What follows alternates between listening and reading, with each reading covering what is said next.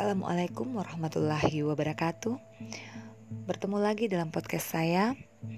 Untuk episode kali ini, saya akan membahas tentang dua peristiwa penting yang dialami oleh Rasulullah Shallallahu Alaihi Wasallam ketika berdakwah di Mekah. Apa peristiwa pentingnya? Jangan ke mana-mana, terus dengarkan podcast saya. Ya, peristiwa penting yang pertama yang akan saya bahas adalah peristiwa hijrah. Peristiwa hijrah yang pertama yaitu hijrah para sahabat ke negeri Habasyah atau Habsyi. Di mana itu Habsyi? Nah, kalau sekarang Habsyi itu adalah Ethiopia ya. Ethiopia. Eh, mengapa para sahabat pada saat itu diperintahkan oleh Rasulullah Shallallahu Alaihi Wasallam untuk berhijrah ya eh, perintah hijrah itu dilakukan karena pada saat itu orang-orang Quraisy semakin menekan umat Islam terutama umat Islam dari kalangan bawah ya, seperti budak dan juga orang miskin. Maka Rasulullah memerintahkan untuk para sahabat segera berhijrah. Nah uh, Rasulullah sudah mendengar bahwa raja Habasyah pada saat itu yaitu Raja Najasyi adalah raja yang sangat bijaksana. Beliau adalah penganut agama Nasrani, tapi beliau tidak pernah berbuat tidak adil terhadap siapa pun. Maka diutuslah umat Islam untuk melakukan hijrah. Uh, hijrah gelombang pertama ke Habasyah itu dilakukan oleh sekitar 15 orang sahabat saja. E, menurut beberapa riwayat bahwa 11 orang laki-laki dan 4 orang wanita. Hijrah kali ini dipimpin oleh sahabat Utsman bin Affan. Jadi mereka berhijrah secara sembunyi-sembunyi, mengendap-endap meninggalkan kota Mekah. Nah, hijrah yang kedua atau gelombang hijrah kedua itu jumlah sahabat yang berangkat jauh lebih banyak sekitar 100 orang. Nah, hijrah kali ini diikuti pula oleh seorang sahabat yaitu Ja'far bin Abdul Muthalib.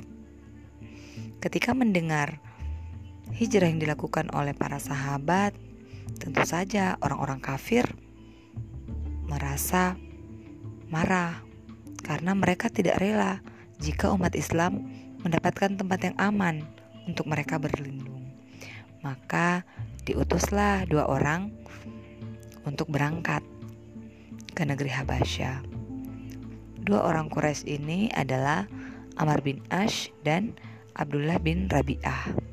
Mereka diutus untuk menemui Raja Najasyi dan meminta kepada Raja Najasyi agar umat Islam segera dikembalikan ke Mekah. Bahkan mereka berkata bahwa orang-orang yang sedang berada di Habasyah pada saat itu adalah orang-orang bodoh yang menyelinap masuk ke Habasyah. Maka tentu saja karena Raja Najasyi adalah raja yang adil, beliau segera meminta penjelasan pada umat Islam. Nah, pada saat itu kelihayan Ja'far dalam menjelaskan itu sangat penting, sangat berpengaruh. Jadi Ja'far bin Abdul Muthalib menjelaskan bahwa mereka sesungguhnya dulunya adalah penyembah agama nenek moyang, penganut agama nenek moyang. Tapi kemudian mereka mendapati bahwa salah seorang di antara mereka diutus menjadi rasul atau salah seorang dari kalangan mereka sendiri diutus menjadi rasul. Nah, maka ternyata hal tersebut meluluhkan hati Raja Najasyi. Karena Raja Najasyi menganggap bahwa agama yang dibawa oleh Rasul tersebut itu sesungguhnya sumbernya sama dengan agama Nasrani yang beliau anut. Maka Raja Najasyi memberikan kebebasan kepada umat Islam untuk tinggal di Habasyah sampai mereka merasa aman untuk kembali ke negaranya. Oke, itu tadi kisah tentang peristiwa hijrah. Nah, kisah kedua adalah tentang Amul Husni. Apa itu Amul Husni? Amul Husni atau tahun duka cita. Mengapa disebut tahun duka cita?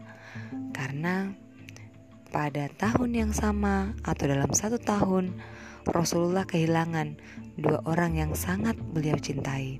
Siapa mereka? Yang pertama adalah paman Nabi yaitu Abu Talib. Abu Talib adalah paman Nabi yang selama ini melindungi Rasulullah dari serangan kafir Quraisy. Abu Talib adalah paman yang selalu membela Rasulullah dalam berdakwah.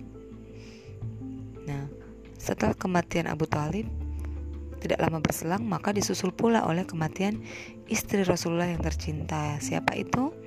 Ya, Khadijah. Istri Rasulullah yang membersamai Rasulullah dalam dakwahnya ternyata dipanggil oleh Allah. Nah, inilah yang disebut sebagai tahun duka cita.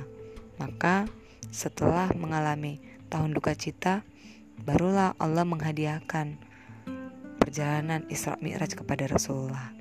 Untuk peristiwa Isra Mi'raj nanti akan kita bahas pada podcast berikutnya.